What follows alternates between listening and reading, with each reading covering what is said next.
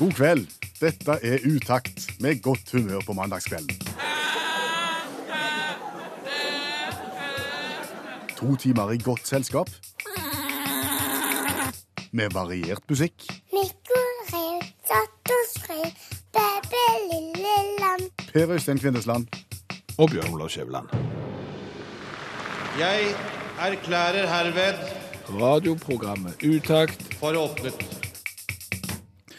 Og så tenker jeg at noen har vinterferie, noen skal snart ha vinterferie. Utakt har ikke vinterferie, og det tror jeg du skal være glad for. Ja, vi får håpe det, for Utakt skal da være et radioprogram som hver eneste mandag prøver å lage godt humør og prøver å være godt selskap. Det er formålsparagrafen vår, og vi håper at det blir et nokså godt radioprogram. Og hvis du vil oss noe, så kan du bruke de kanalene vi pleier å nevne innledningsvis. Da er det Facebook, søk opp Utakt, eh, meld der, fortell hva du vil vi skal snakke om, hva du har lyst til å få fram, eh, og så har du også SMS, 1987, start meldingen med Utakt. Yes, Klokka er ni minutter over 22. Med tur i gang. Ja, vi gjør det.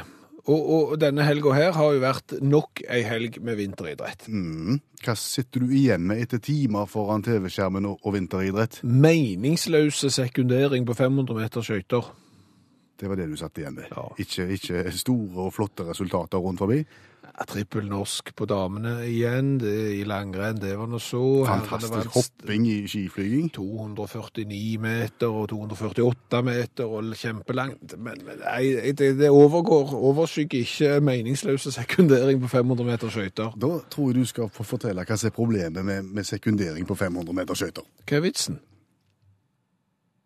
Altså, det har vært verdensmesterskap i enkeltdistanser i helga. Ja. Og da har du jo sprintøvelsen 500 meter. 500 meter på skøyter er jo det samme som 100 meter rett fram springing for eh, damer og menn. Det er på en måte den distansen der sprinterne virkelig eh, skal, skal vise seg fram. Fulle, fulle, fulle fart. Og enda fortere enn det. sant? ja. Da er det bare pang, der går skuddet, og så turer du av gårde så fort du kan, og så svinger du til venstre, så tar du en langside til, så svinger du til venstre, vips, så var du i mål. Ja. Gjerne rundt 34 sekunder. Men før det så har du passert en sekundant som du irriterer deg på. Ja, jeg skjønner jo ikke vitsen.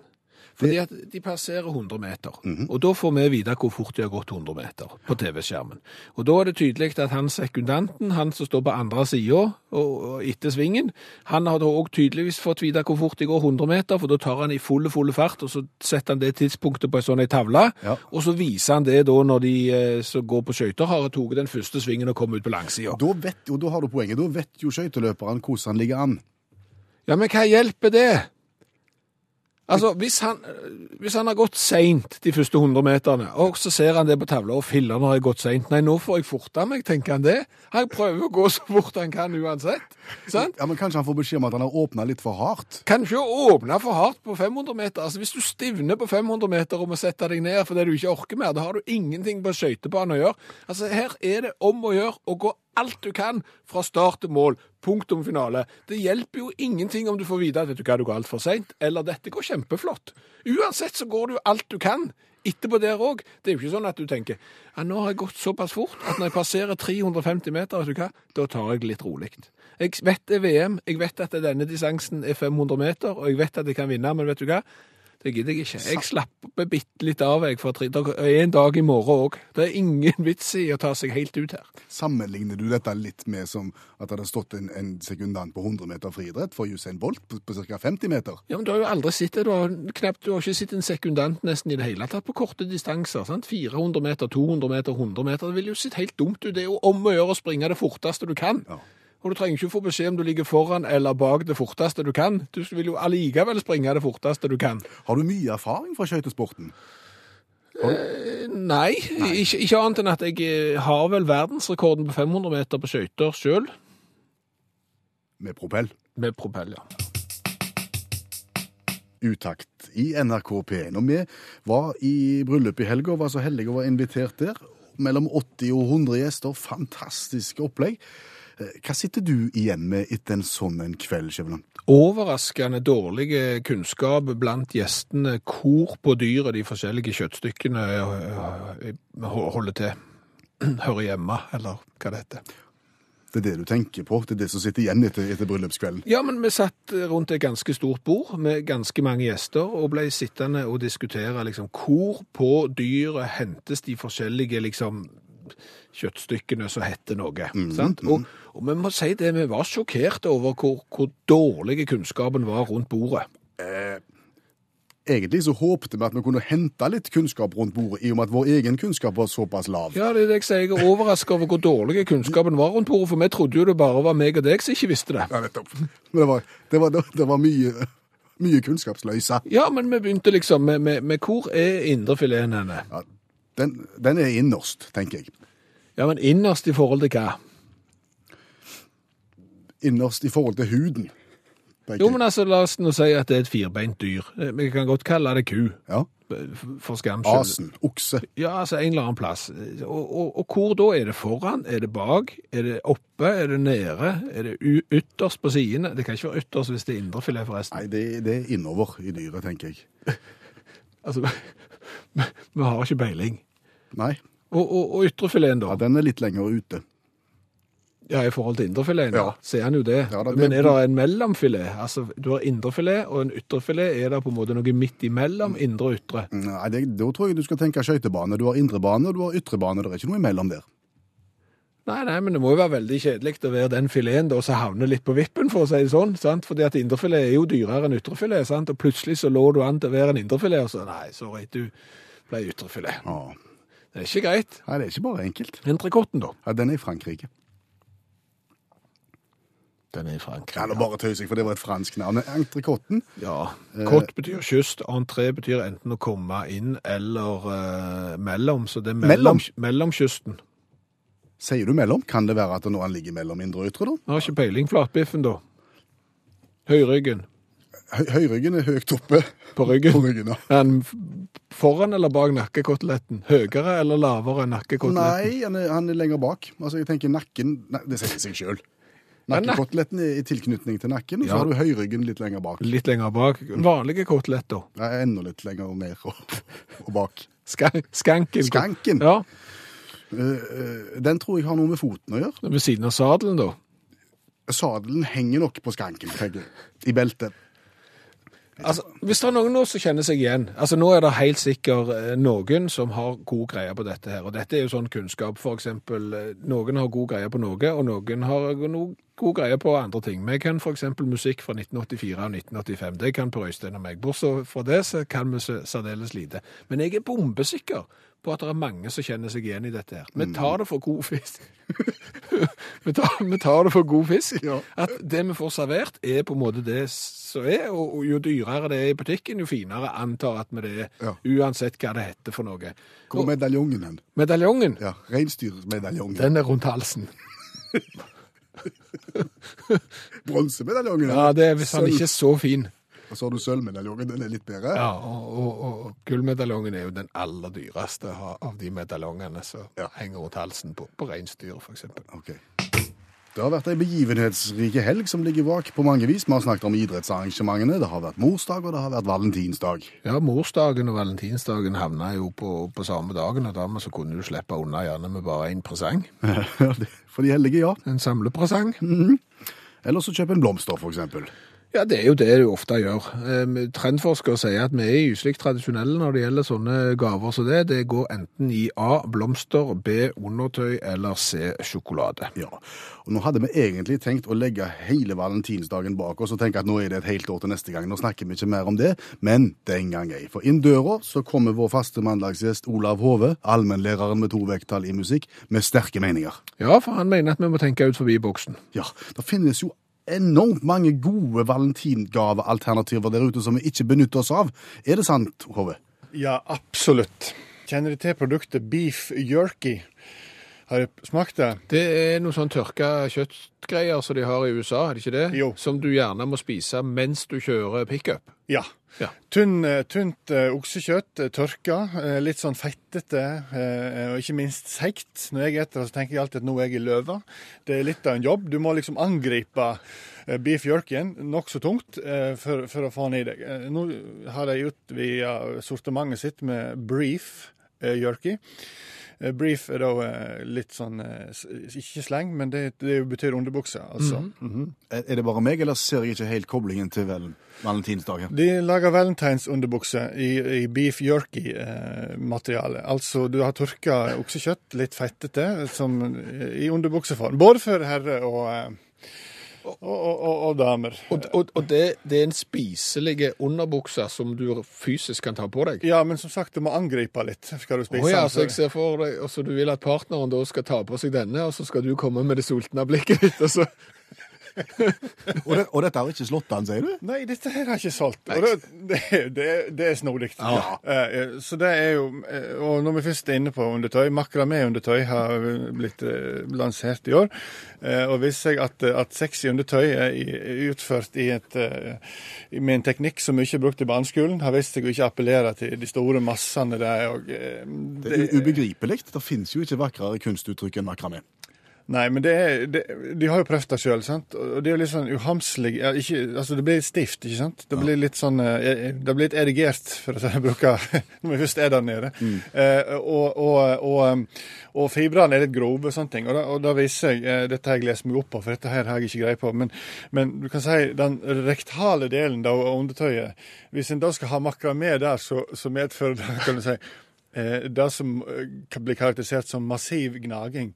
Derfor, derfor har en, derfor har en da supplert det her med, med, med hekla eh, dekorative detaljer. Ikke spesielt dekorativt, spør du meg. Og dette her har heller ikke solgt noe særlig. Eh, og, og det er så masse jeg kan nevne. om eh, Kamasutra-kjeksen, f.eks., har heller ikke solgt spesielt godt. Eh, fordi at viser seg at folk liker ikke å kjøpe eh, spise ting som viser mm, to mennesker som har samleie. I tillegg så blir de store, de kjeksene der. Og så er det eh, i, i dobbelt forstand litt stiv pris. da. 425 kroner for en boks med Kamasutra-kjeks. Hvis du kjøper Kamasutra-sex og en bokstavelig talt voks i munnen på deg, så blir det bare ugreit.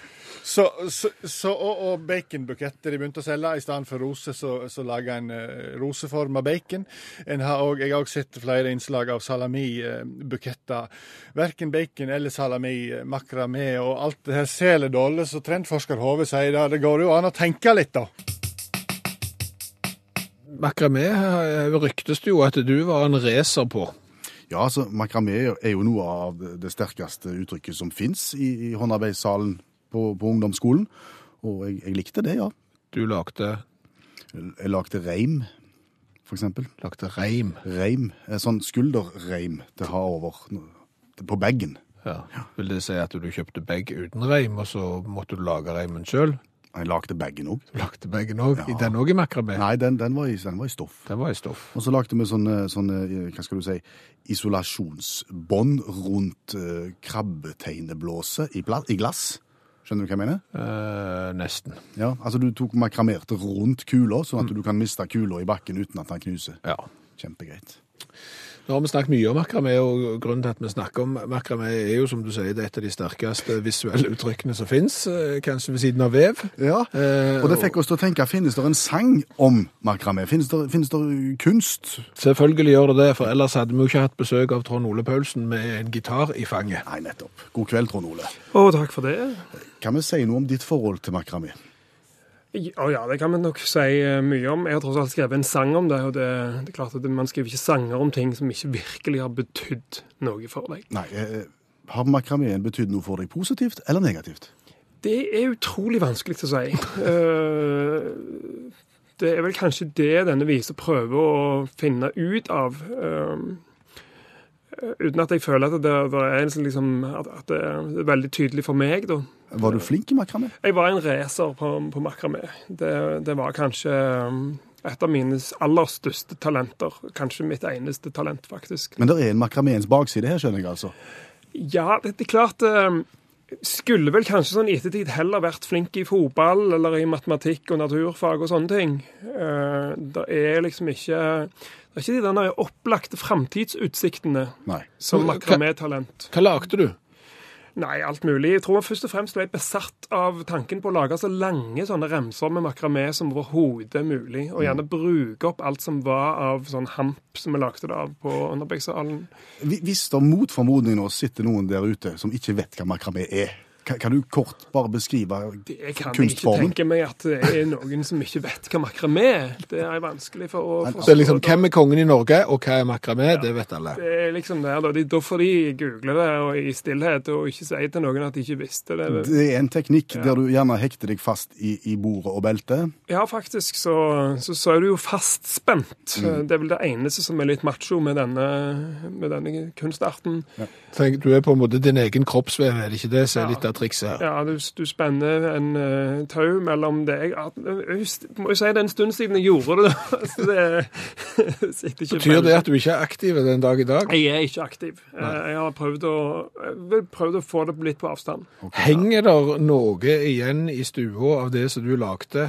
Altså i det minimalistiske hjemmet uten lister rundt vinduet? Er det det måtte jo i så fall vært uh, hjemme hos mor og far, men jeg må jo bare si at jeg i alle år har vært ganske skuffa over at det ikke det har ikke hengt noe makramé hjemme hos de. Så det hvor de ble av, de tingene jeg lagde i makramé, det Jeg Skjønner at her er det veldig mange sterke følelser, Ja. både gode og vonde, og det er derfor det har blitt en sang. Ja. Nå, Trond Ole Paulsen, så skal du få lov til å gå bort til mikrofonen sammen med gitaren din. Og så skal vi da få høre eh, makramé-sangen. Er, er vi rede til det nå, Skjevene? Ja, med øyeblikk, men jeg vil bare si at jeg òg skal være med og spille. Jeg, jeg skal spille sånn Jeg kan du si, sånn blåsepiano. Melod, melodika. Sånn. Så du ligger litt i bakgrunnen mens han Det er på en måte makrameens stemme, det instrumentet der. Ja, Akkurat. Jeg eh, overlater mikrofon til Paulsen og Skjæveland og makramé-sangen. Vær så god. En, og så to, og så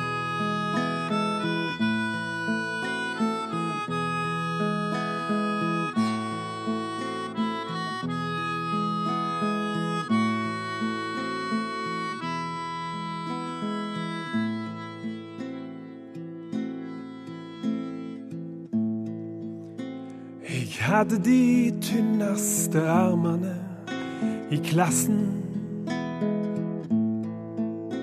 Og det tjukkeste hodet på hele skoleplassen. Men bortsett fra det var jeg stort sett en helt ualminnelikt vanlige fyr. En lettinnadvendt og forfrossen Ola Nordmann i miniatyr. Jeg var verken høgt eller lågt, jeg var midt på treet. Jeg var verken smart eller dum, jeg var bare distré. Og jeg prøvde å tro på meg sjøl, som de sa, men det hendte jeg fyltes av tvil. Men en gang i uka var jeg i form når klassen skulle ha tekstil. For makramé, det fikk jeg til. Ja, makramé, det var mi greie, det. Og jeg tenkte å gjøre karriere som profesjonell makramør. Men markedet for makramé var betydelig bedre før.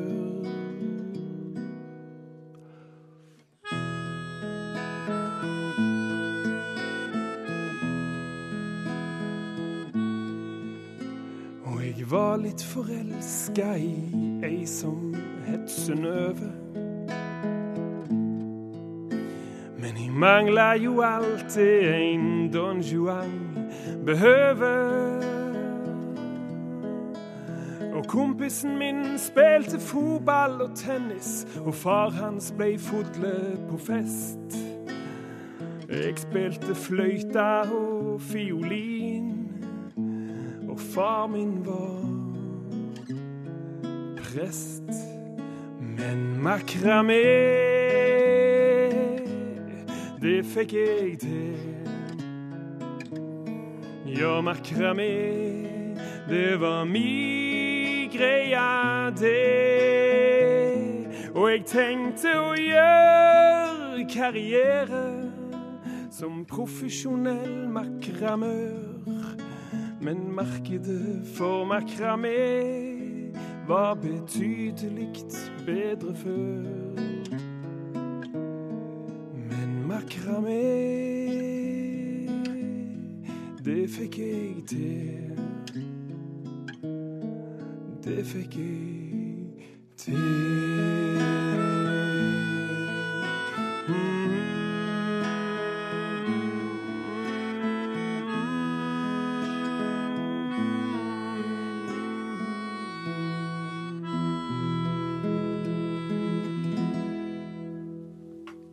Makramé-sangen Trond Ole Paulsen. Tusen takk. Kan jeg få komme med en brannfakkel? Gjerne. Basketball er særdeles diskriminerende. En brannfakkel fra Skjæveland der, altså. Basketball er særdeles Diskriminerende. Og, og det er volleyball òg, men basketball er kanskje mest diskriminerende av alle ballidretter. Nå er vi spente. Diskriminerende på hvilken måte? De som ikke er så lange, har jo ingenting der å gjøre. Nei, hvis du ser et basketballag, så er de ganske høye. De er fire meter høye, alle, og så har de én som ser ut som han ikke er fire meter. Han, han ser liksom litt liten ut. Men han er bare to meter, fordi de andre er så sinnssykt høye. Så til og med han er kjempelange, han som er korte. Og, og dermed så er basketball diskriminerende, fordi at det er en idrett der du ikke kan hevde deg på høyt internasjonalt nivå hvis du eksempel er 1,72. Nei. Hvordan skulle vi løst det problemet der, da, hvis en skulle gjort eh, basketballen udiskriminerbar? Det, det var akkurat det som slo meg når jeg var på volleyballturnering. Som, som jo òg er en diskriminerende idrett, for det er jo akkurat det samme. Eh, At der òg må du være nesten tre meter. Men, men poenget mitt er, når det da var volleyballturnering, så måtte de ta vekk basketballkorgene.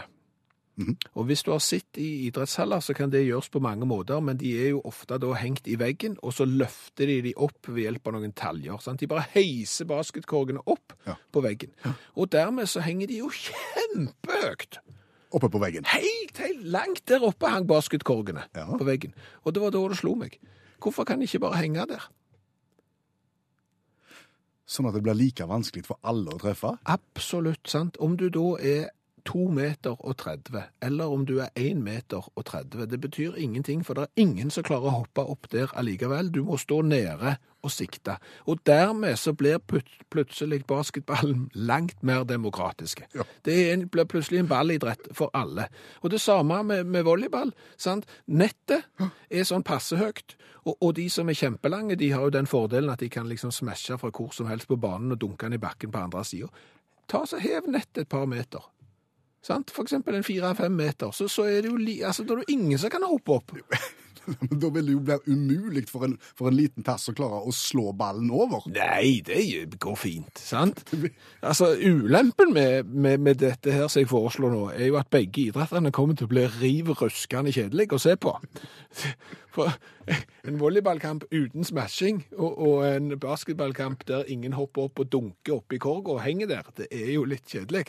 Men, men jeg sier det, 2015-2016 har jo vært et eh, år, år der vi må sette fokus på, på like rettigheter. Så alle, korte og lange, bør nå få samme muligheter innenfor basket og volleyball. Må heve takene nå i de forskjellige Ja, gymsene. ja, ja altså, det kommer til å bli kjempedyrt. Det, det kommer til å bli det nye basketløftet.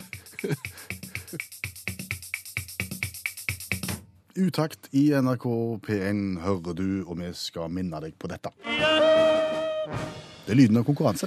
Ja, det er det. Litt gladjodling på en mandagskveld er det som indikerer at snart er det konkurranse i utakt. Og da handler det jo om alle har rett og krav på å få lov å være med i utakt sin konkurranse. I utgangspunktet. Dette er åpent for absolutt alle. Det er ingen diskriminering i den konkurransen. Nei, Men vi ønsker deg som er motivert. Vi ønsker motiverte deltakere, og vi ønsker gode begrunnelser på hvorfor du skal få være med i konkurransen i kveld. Ja, og da sender du en SMS til 1987 som du eh, starter med utakt, og så forteller du hvorfor du har en indre motivasjon, og hva den er for at du vil delta i konkurransen. Jeg har jo annet fått en SMS her fra, fra en som forteller hvorfor han ikke kan være med på konkurransen. Og er lei seg for det? Ja, ja, altså det er en som hver mandag sitter ved reveåtet Ikke helt sikker på hva det er, men det er gjerne en plass du, du lokker reven, og så skal du fange rev, sant? Og, og høre utakt med øreplugger. Men, men når du da sitter og venter på at reven skal komme, så må du være stille. Så da kan du ikke drive og snakke i telefonen og være med Nei, på for det er konkurransen. raskere er reven over isen plutselig. Ja, ja, sant. så- sant. Så, så dermed så blir du bare passive lytter til konkurransen. Har lyst til å være med, men kan ikke. Ok, det aksepterer vi. Ja. Ja, og, og hvis du aldri har hørt programmet før, så kan du kanskje få vite litt om hva konkurransen går ut på før du melder deg på. Ja, det er ni spørrebøker av ymse kvalitet, og fra 1965 til dags dato. Og så bare velger vi en bok og blar opp på ei tilfeldig side. Svarer du rett, så, så er det kjekt. Svarer du feil, så ja ja, sånn skjer i, i livet. Og så blir det T-skjorte med vedhals uansett, for det er premien. Ja, jeg håper du har lyst til å delta og sende inn en eh, motiverende melding til 1987. Start meldingen med utakt. Har vi det da? Det kan ikke bli tydeligere enn dette. For litt siden så sa du at basketball er en diskriminerende idrett, fordi at eh, de som er kjempehøye, og det er de fleste som spiller basketball, de har lettere for å treffe korga enn de som er lave. Ja, Derfor så foreslår du at korgene bør henges så høyt opp på veggen at det blir vanskelig for alle. absolutt. Ja, det var din idé. Ja. Og da kommer det innspill fra folk som hører på utakt, og syns f.eks. at basket kunne hatt høydeklasser. Ja, for det boksing har jo vektklasser, og da kunne basket hatt eh, høydeklasser. Kunne vært eh, Forskjellige høyder på korgene, alt etter høyden på lagene. Ja, norsk mesterskap i lavbasket, eksempel. eh, Norsk mesterskap i mediumbasket og, og høybasket. Det har du. Og, og det med, med vektklasser i, i boksing kunne jo også vært overført til skihopping. Det har vi vært innom tidligere. Ja, vi har jo savna en, eh, en tungvektsklasse i hopping. Altså, Tungvektshopping er det for lite av. ja, der er nok uh, småfugl der ute som driver og flyr i sånn en dress ned igjennom. Men tenk deg en skikkelig tjukkas. Ja. Han, altså, Da kunne det vært så mye trekk der bare ville, for det, det betydde jo ingenting. sant? Det er ingen som blåser vekk av noen sekundmeter der. Han lander ikke på sletta i Innsbruck, han lander i Innsbruck. Tenk å stå på toppen av Vikersund. eh, Nå er vi inne fra verdensmesterskapet i skiflyging i klassen pluss 120. Og så satt ut forbi. Og så hopp 250 meter. Da hadde verden blitt imponert, tenker jeg. Det er barskt. Du hører på Utakt i NRK P1, som går fram til midnatt, og som forsøker å skape godt humør på mandagskvelden. Ja, det gjør vi. Og så prøver vi å være godt selskap. Og nå skal vi prøve å være godt selskap med Åge, for vi skal konkurrere. Vi søker motiverte deltakere til vår konkurranse, og Åge har skrevet følgende. Han har skrevet at han er ekstremt motivert for alt som er moro. Ja. Og så enkelt kan det skrives. Ja. Du trenger ikke bruke mange ord for å vise hvor sterk indre motivasjon du har. Hei, Åge. Nei, det er ganske fort gjort, da. Ja. Så du er klar. Kjenner du til konkurransekonseptet i programmet?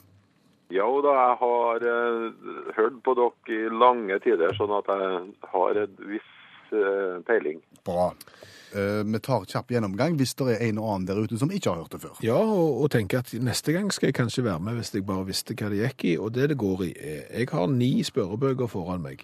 Så velger Åge et tall fra én til ni. Jeg plukker en spørrebok, vi blar på en tilfeldig side, velger et vilkårlig spørsmål. Svarer Åge rett, så får han litt gladjodling, og svarer han feil. Litt grann av tristjodling, men uansett om det går bra eller dårlig, så skal det ei T-skjorte av gårde til han Åge. Ja. Vi bare begynner med Åge. Du kan få velge mellom én og ni.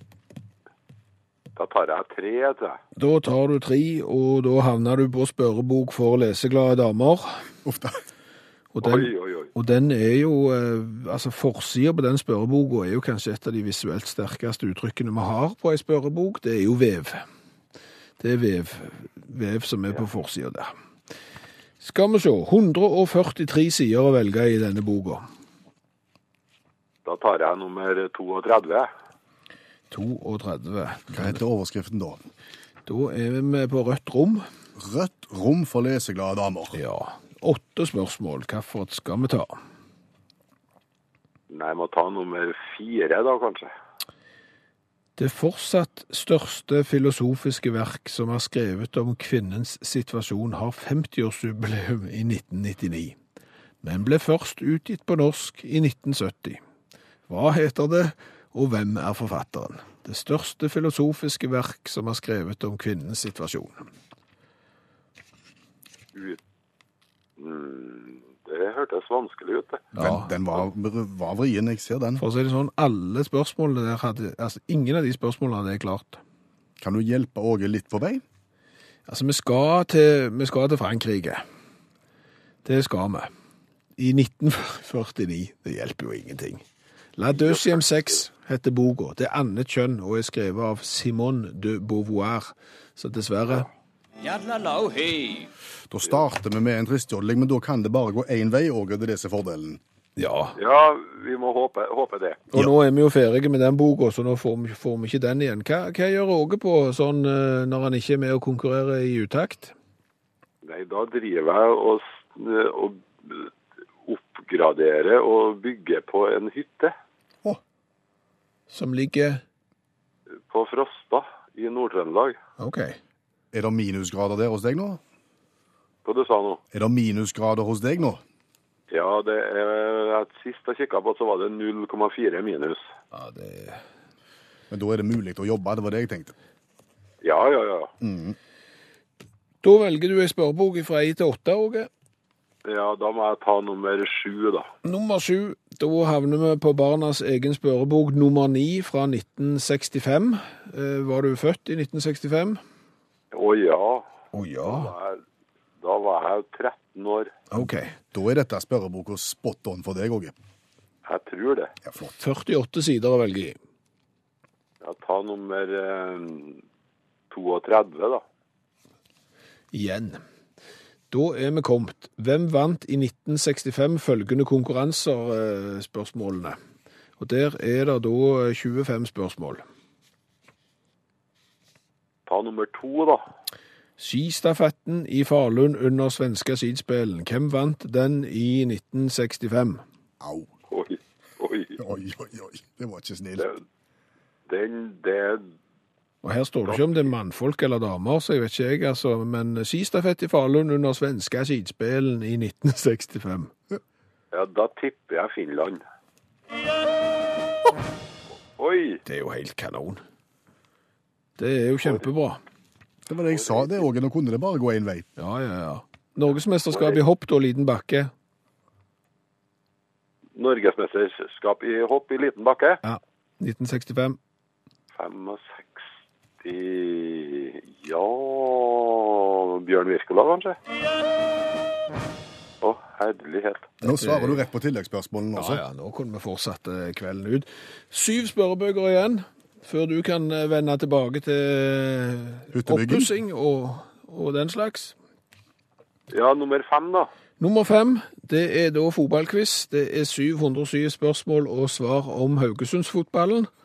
Og piske dausen. Er, er, du, er du glad i fotball? Se vekk ifra Haugesund foran, men Du, fotball eh, Der jeg er best der, det er også lavvær. OK. Da, da kan det være at vi kommer til å slite litt med den oppgaven du skal få nå, men, men la oss nå se. Ja. Sidetall? Ja. Det er 122 sider, og, og det er mest internasjonalt til slutt. ja, da tar jeg, tar jeg side nummer én. Du holder deg i da tidlig Haugesundsfotball. Skal vi se Åra før 1960. Og, og jeg har Og jeg har hele 20 30 spørsmål. Og, og, da, nummer, da tar vi nummer tre. nummer tre. Hvilket år ble Verd stiftet? Fotballklubben Verd, når ble de stifta? Vard 1917. Jeg må bla opp, det er jo helt Fasiten er jo 1917, du sa? Ja. Er det sant? Altså, det er, nei, altså, det er så nært at det, det, jeg, jeg må bare si ja. 1916. Herlighet. Var det, var det helt skudd i blinde, òg? Det var, det var altså så blindt som det gikk an å få det. Og så bomma du med ett år. Det er veldig sterkt. Da skal vi teste en til her. Ja. I hvilket år ble Djerv 1919 stiftet? 1919. Det hadde du, hadde du satt 17 på den også. Nei, men dette var jo strålende. Dette gikk godt. Ja, ja, fire-fem rette med tilleggsspørsmål. Høres ut som ei lottorekke, dette her. Ja. Det passer på Stjørdal, det. Åge Balsvik, eh, Stjørdal. eh, T-skjorta er på vei i posten. takker hjerteligst for det. De må bare fortsette i samme sporet de driver på, gutter. Det skal vi gjøre. Tusen takk skal du ha. Den sangen passet bedre enn vi hadde tenkt, med en tanke på det vi skal begynne å snakke om akkurat nå. Even better than the real thing. Og hvis ja, altså, Cola har jo brukt det slagordet sjøl, the real thing, Coca-Cola, om sin egen brus. Vi snakk, smaker på alternativ cola fra hele verden for å finne ut om det finnes gode alternativer der ute. Absolutt, eh, fordi nordmenn liker jo å reise, og da er det jo om å gjøre å vite hvilken cola skal du drikke i hvilket land. Og i dag så skal vi hjelpe deg til å finne svaret på hvilken cola skal du drikke når du er på Papua Ny-Guinea. Nei, og der er du sikkert rett som det er. Det er jo en av de plassene nordmenn er oftest. Du tar en liten helgetur til Papua Ny-Guinea, sånn bare sånn, ja, ja, oval helg, vi reiser til Papua. Og så står du der, og så er det forskjellige bokser i supermarkedet, og så hva skal du velge? Det skal vi finne ut i kveld. Vet du hvor Papua Ny-Guinea ligger? Litt på siden av gamle, gamle Guinea. Ja, det, det er sånn, men, men du, nei, jeg, Nei, det blir vanskelig. det blir vanskelig. Australia. Ja. Eh, Rett eh, nord for Australia, så kommer du til Indonesia. Ja. Og, og på høyre side av Indonesia, altså da ser du det kartet nedenifra. Der finner du Papua Ny-Guinea. Det er langt. Det er, det er langt, ja. Det er Det er kjempelangt. Og denne brusen er faktisk produsert og lagt, det er jo samme ordet, og kjøpt på Papua Ny-Guinea. Tatt med hjem av Knut fra Trondheim, og sendt videre til oss i uttak. Tusen takk, Knut. Go-Go Cola heter det. Eller Go-Go Cola. Du du, kjenner ikke til det papua-ny-guinesiske språket, gjør du det? Nei.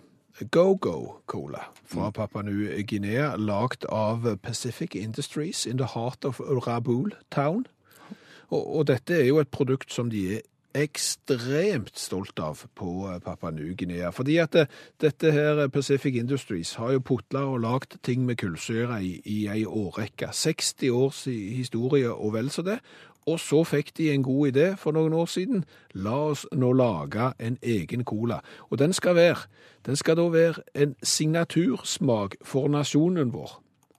Ikke mindre enn Ikke det. mindretall. Nei, sier du det, ja? Nei, eh, og, og den er da, ifølge de sjøl, de har vunnet premier for denne eh, colaen. Eh, Spørsmålet er jo om det er på Papua Ny-Guinea, om de i det hele tatt har andre konkurrenter som har stilt opp mot den lokale produserte colaen, hva vet vi. Men, men det er iallfall den. Vet du hvor mange mennesker som bor på Papua Ny-Guinea? Eh, kan jeg bare gjette? Ja. 450 000. 7 398 500 i 2013. Å ja, men da er det marked for brus. Så en god gjeng, sa du. Ja. Dette er da, Denne brusen kom i to utgaver, enten rød eller hvit boks. eh, Samme innholdet, med palme på, og det står Go-Go Cola midt på. Skal vi smake på den? Absolutt. Nå er vi spente. Det, vi har aldri smakt cola som kommer så langt vekk ifra. Jeg vet vi har en fra Australia i kjøleskapet. Den kommer snart. Den får vi ta i neste program. Så kan vi sammenligne. Så begynner vi med å gi poeng for smak, 1 til 10, og så skal vi gi poeng for design etterpå. Husk at dette er smaken av en nasjon. Det er det de Det gir perspektiv av det.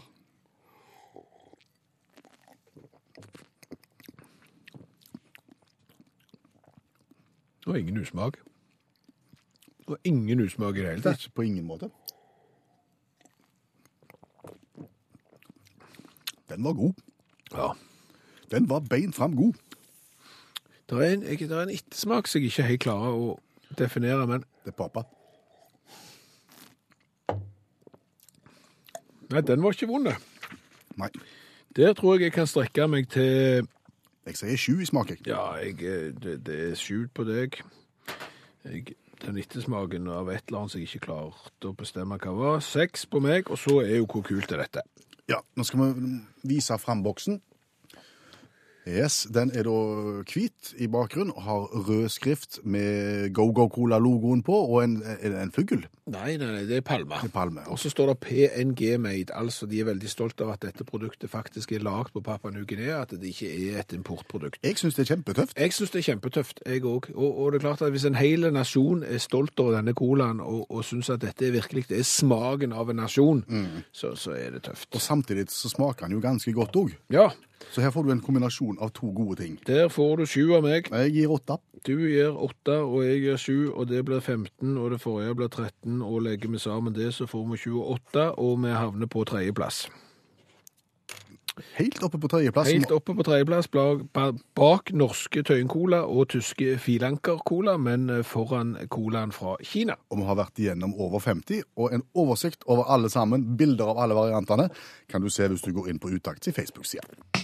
Jeg ble litt begeistra for Papa Ny-Guinea i bakkant av at vi drakk cola fra den, denne plassen. Ja vel? Jeg leste meg litt opp på det mens sangen gikk her nå. Eh, visste du f.eks. at Papa Ny-Guinea er en av de mest heterogene nasjonene i verden? Heterogene. Ja, altså Homogene er jo på en måte ensarta og, og, og, samla, mens heterogene Det bor hundrevis av etniske grupper på Papua Ny-Guinea. Og, og det gjør jo at det finnes enormt mange forskjellige språk på øya. Mer enn i noe annet land i verden. Over 820 stammespråk, som representerer 12% av verdens totale antall språk. På en befolkning av ca. 7 millioner. Og da kan du tenke deg, hvis du irriterer deg over at du eventuelt får skjema på enten bokmål eller nynorsk, så kan du se for deg den der jungelen der, når du da skal ha det 800, søke på sertifikat eh, på 800 forskjellige skriftspråk. Du, eh, det var jo Knut som eh, kom med cola til oss, og som hadde vært på, eh, i, i byen Rabol i, eh, på Papua Ny-Guinea, altså byen som de lager Go-Co-Cola. Og han forteller om ganske dramatiske scener på dette cruiset. Han, han har vært på cruise til Papua Ny-Guinea. ja, og, og det er da varmekilder eh, som eh, på, på denne øya og i, i den byen. Og, og hva skjedde da? Jo, en smarting fant ut at han måtte kjenne på vanntemperaturen i den varme kilden. Så kjenne om det var lunk, på en Ja, måte. så han stappte da fingrene uti og rykka til. Det var jo da eh, varmt, og så var det løse sand rundt. Sanden raste ut, mannen raste ut i det kokende vannet. Kona hans hadde advart han akkurat i det samme øyeblikket og klarte å grabbe tak i skjorta hans og prøvde å dra han opp, men, men han kom jo ikke opp. Eh, Han hadde heldigvis hodet over, men han ble jo rett og slett eh, kokt og måtte flys til Australia med, med hel helikopter etter å ha kjent på temperaturen i, i varmekilder. Men det gikk, det gikk bra. Det sier historien ingenting om. Sannsynligvis er han skålla fra halsen og, og ned. Så er du på eh, Papua Ny-Guinea, så må du være forsiktig med å kjenne på varmekilder. Men drikk gjerne colaen. Ja, den er god. Den er god, da. Nå skulle vi ha Papua Ny-Guinea-musikk. Eh, ja, der har du, kan du velge i Papa New-Guinea Was a Rolling Stone. Eh, Fins jo. Eh, Eller så har du Papa New-Guinea Don't Preach.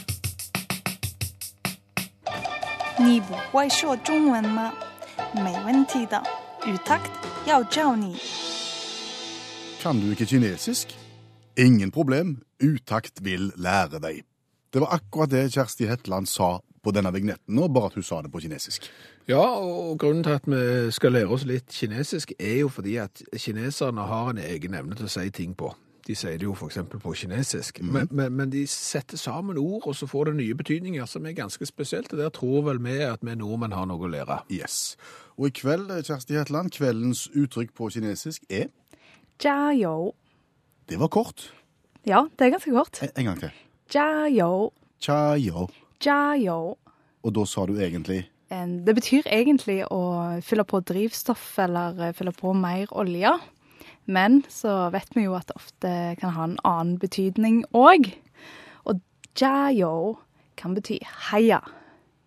Heia. Heia. Som på fotballbanen? Ja, så for eksempel hvis, eh, hvis dere går på fotballkamp her i Stavanger, så kan dere si Hei dao jia yo, som da betyr heia viking. Eller så kan en jo si hå jia yo.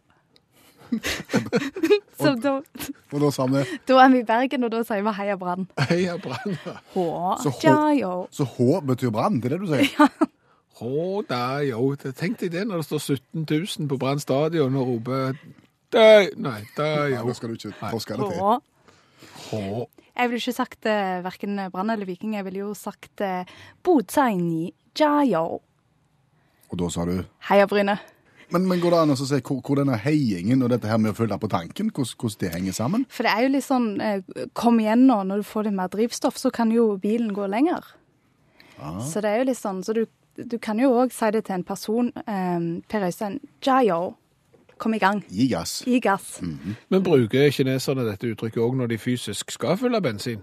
Eller olje, eller diesel, eller noe. Ja, det kan du òg gjøre. OK. Ja, så det fungerer jo òg på den måten. Ja.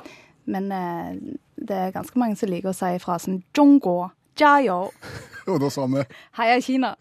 Men vi burde jo kanskje si 'Norway, jiao'. Heia Norge. Ja.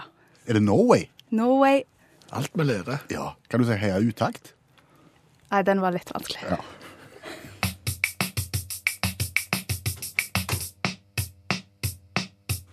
Har jeg fortalt deg eh, når jeg eh, kjøpte, eller prøvde å kjøpe, heter det vel kanskje, eh, klær i Japan?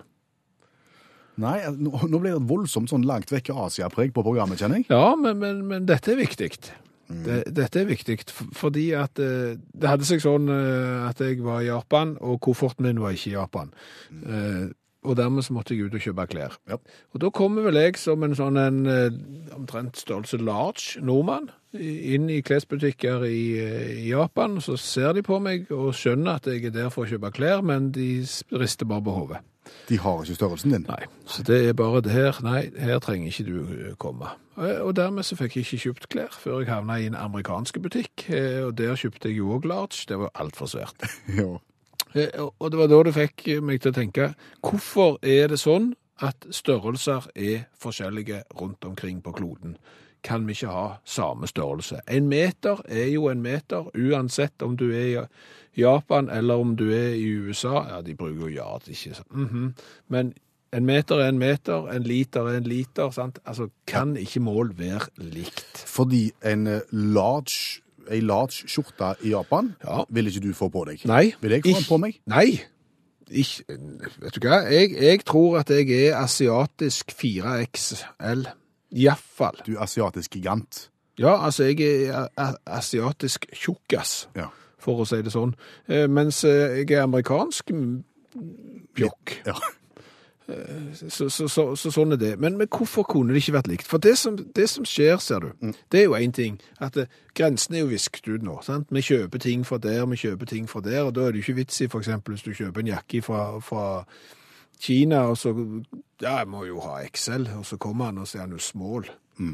For det er jo asiatisk XL, så, så det er nå én ting. Problematisk ved netthandel. Den, Den andre tingen er jo at det, det er jo ikke nødvendig, tenker jeg, å la en pjokk føle seg diger.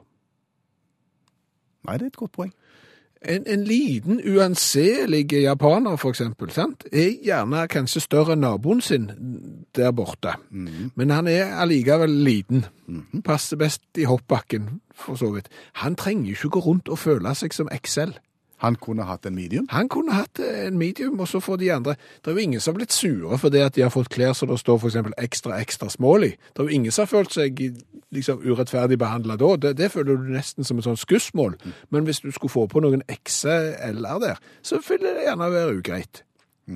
Og, og det er heller ikke vits i, tenker jeg, at jeg skal komme til Japan og føle meg murfeide. For, for det var sånn denne debatten begynte. Ja, at jeg skal komme inn i en butikk og så bare riste de på hodet. Vet du hva? Du er så tjukk at her har du ingenting å gjøre. Så tjukk er jeg ikke. Så dermed vil du ha en, en felles verdensstandard. her. Jeg vil ha en felles verdensstandard på størrelser eh, basert på at en meter er en meter. Var det alt? Jeg syns det var haugen på nok. Og så er det vinterferietid. Det er mange som har ferie akkurat nå. Det er vel de som skal ha ferie i, i neste uke. Og så er det noen som slår sammen vinterferie og påskeferie. Ja, men, men da er det jo sånn at når folk skal ha ferie, så, så blir det ofte dyrt eh, å reise på ferie, fordi at alle skal reise på ferie eh, samtidig. Og så blir det fullt. Ja. Sant? Så får du ikke plass på høyfjellshotellet på Havfjell, eller så får du ikke plass på, på hotellet i Åre i Sverige, for alle skal der på skiferie. Og så får du ikke plass på flyet til, til Saalbach og Selamsee og Badgerstein og, og alle disse her, fordi at alle vil på, på skiferie. Det er ganske dumt det, hvis du på en måte har sett fram til en god skiferie nå, komme deg litt vekk og få, få litt luft under vingene. Hva gjør du da? Da hører du på allmennlærer Olav Hove med to vekttall i musikk. Ja, For han har lovt å gi oss håp med tanke på vinterferie. Ja, jeg har fått mot, som det heter. Eh, sliter litt innenlands, mye fullt, ser jeg. Men vi kan jo, eh, hvis du, hvis du virkelig må stå på ski, og ønsker å stå mye på ski, så kan du reise til Mount Herman. Fantastisk. 14 nedfarter, helt ifra skalende flatt til svarte løyper. Hvor er vi hen da? Eh, sledefart, bob, akebane hele veien. Da er vi i Israel. Eh, Barnetrekk er det der med gratis ledsagere, så du kan liksom bare ta med deg ungene dine, og så ser du ikke til dem hele veka. Eh, fantastisk utsikt, og nesten ikke folk. Mer eller mindre tomt. Eh, har nesten ikke solgt noen.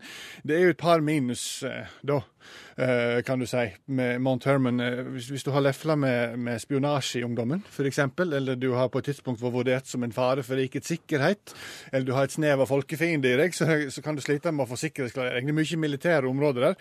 Og, og, og det verste minus er kanskje du vet Når vi kommer opp i toppen av en sånn, eh, sånn trekk, så, så, så får vi beskjed om at her må du slippe T-kroken og sånne ting.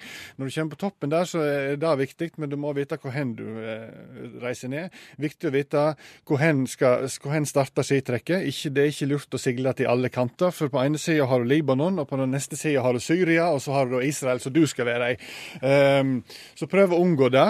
Men, men altså, Israel kan være et under skimål i vinterferien hvis du f.eks. har papirene i orden og er medlem av Israelsmisjonen. Ja. Ja. Og syns du alpin i bibelsk landskap, eh, og, og at det er litt militære patruljerende med iført snowboard og maskingevær, så eh, syns det er sjarmerende, så, så kan vi anbefale det. Fortsatt i Midtøsten, Bamyan i Afghanistan, midt i Silkeveien, mye ledig der. Eh, ikke så mye hotell å finne, men det er hotell der. Eh, og utmerka fordi at eh, der er ikke det trekk, så da får du litt trening, ikke minst. Men det er utrolig snøstabilt. Eh, Oppimot 5000 meter kan du gå, kan få høydesjuke. Eh, og, mye ledige plasser. Ali Shah, som er mm, en kjent skiguide i området, sier at, at en må skynde seg litt, fordi nå er de i ferd med å ta litt av der nede. Og i februar i fjor hadde de besøkende fra hele verden, 30 i tallet. Og det høres jo greit ut, eh, tenker jeg. Ehm, Så, så, så prøv der. Ehm, Ikke si ifra til foreldrene dine at du reiser, fordi at det, det litt, kan være litt uro i området. Litt etnisk eh, uro må påberegnes. Eh, Ikke si det til Utenriksdepartementet heller, når de først snakker om det. Mali Maliyabba i, i Pakistan. Veldig fint skiresort, eh, flotte trekk, eh, fine hotell. Blei sprengt i 2006 av Taliban, men det skjer ikke igjen. Først én gang, så skjer ikke det igjen, tenker jeg. Eh, Iran, Dissin i Iran, veldig bra. Kort avstand fra Teheran. Garantert snøsikkert. Garantert fint vær. Garantert opp mot 20 grader på dagtid nå i vinterferien. Og atskilte trekk for kvinner og menn. Naboen min eh, anbefaler Iran. Han har vært der og rundet på ski mange ganger. så Er han Shia-muslim?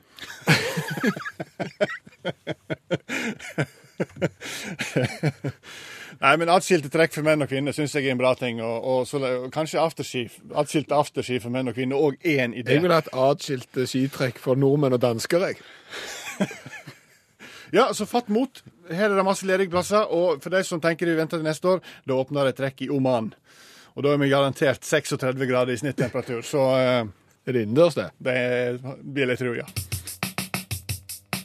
Og Vi begynte dette programmet her med å lure litt på hvor på dyret de forskjellige bestanddelene fins, som vi får kjøpt i butikken. Ytrefileten, indrefileten, entrecôten, flatbiffen. Slagsida og flanken og så videre. Nå har jeg lagt ut et bilde på Facebook-sida som er henta fra internettsida som viser hvor alle disse kjøttstykkene faktisk fins. For mange har meldt oss og gitt beskjed om at eh, sånn er det, og der fins han. Ja, og, så da er dette leksa til neste gang. Neste uttak neste mandag. Ta så pugg dette, så, så uh, har vi lært noe alle.